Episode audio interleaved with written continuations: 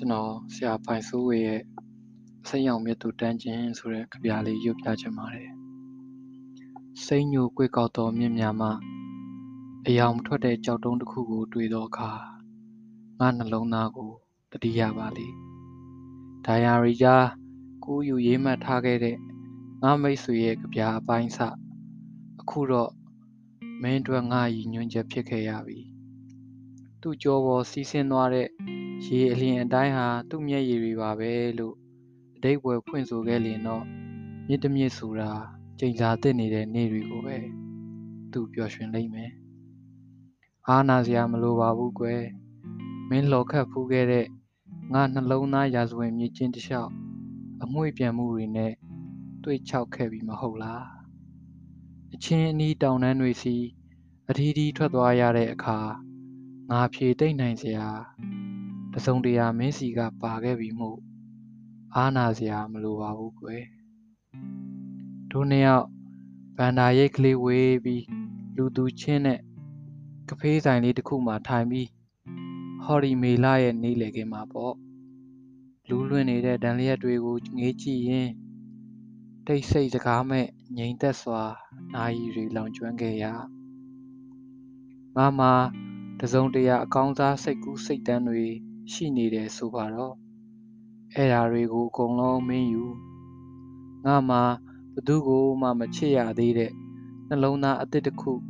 ရှိနေတယ်ဆိုပါတော့အဲ့ဒါကိုလည်းမင်းမဲယူငါဖောက်ခဲ့ပြီးသမျှလန်ခီအားလုံးပေါ်မှာမင်းလျှောက်သွားငါရတဲ့ရထိုက်သမျှလောကရဲ့ပေးဆက်ခြင်းတွေကိုလည်းမင်းယူငါကိုဥညွတ်ဂုံပြုမဲ့ တစုံတယောက်ရဲ့ဥကောင်းကိုလည်းမင်းမဲပုတ်သက်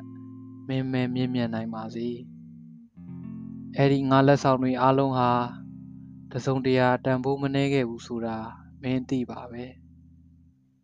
လူတချို့ကတော့မင်းဟာငါအိမ်မက်နေတဲ့အိမ်မက်လေးတစ်ခုတဲ့တကယ်တော့မင်းဟာငါမပိုင်ဆိုင်လိုက်ရတဲ့အပြာရောင်နေ့တစ်နေ့ပါကွယ်ငါကတော့အိမ်မဲညတွေကြားအ တိတ်နဲ့အနာဂတ်ကိုစားသုံးရင်းမျောလင်းခြင်းအိမ်မက်တွေနဲ့အိမ်မက်ရဲ့ရာဇဝင်နေ့တွေကိုအဆုံးရှုံးခံနေတဲ့လူတစ်ယောက်ပါတို့တဦးနဲ့တဦးပေါင်းစည်းညီညွတ်ခဲ့ဘူးရဲ့တို့တဦးကိုတဦးအယူအမှုလေးမြတ်ကြီးညိုခဲ့ဘူးရဲ့တို့တဦးပေါ်တဦး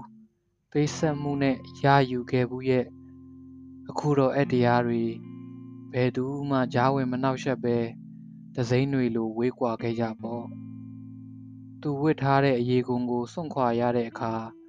မြစ်တမြစ်ဆိုတာကတော့မွေးတကောင်လိုမပျော်ရွှင်နိုင်ဘူးပေါ့အားနာစရာမလိုပါဘူးကွယ်ငါပိုင်ဆိုင်တဲ့လောကရဲ့ပြည့်ညတ်မှန်သမျှနဲ့ငါအတွေ့တွေအားလုံးကိုလည်းမဲမဲပိုင်ဆိုင်ခဲ့ပြီမဟုတ်လားဟင်းလင်းပြင်တွေကိုတော့ငါကိုယ်တိုင်ပဲပိုင်ဆိုင်သေးပါလေ ပိုင်ဆိုးဝေ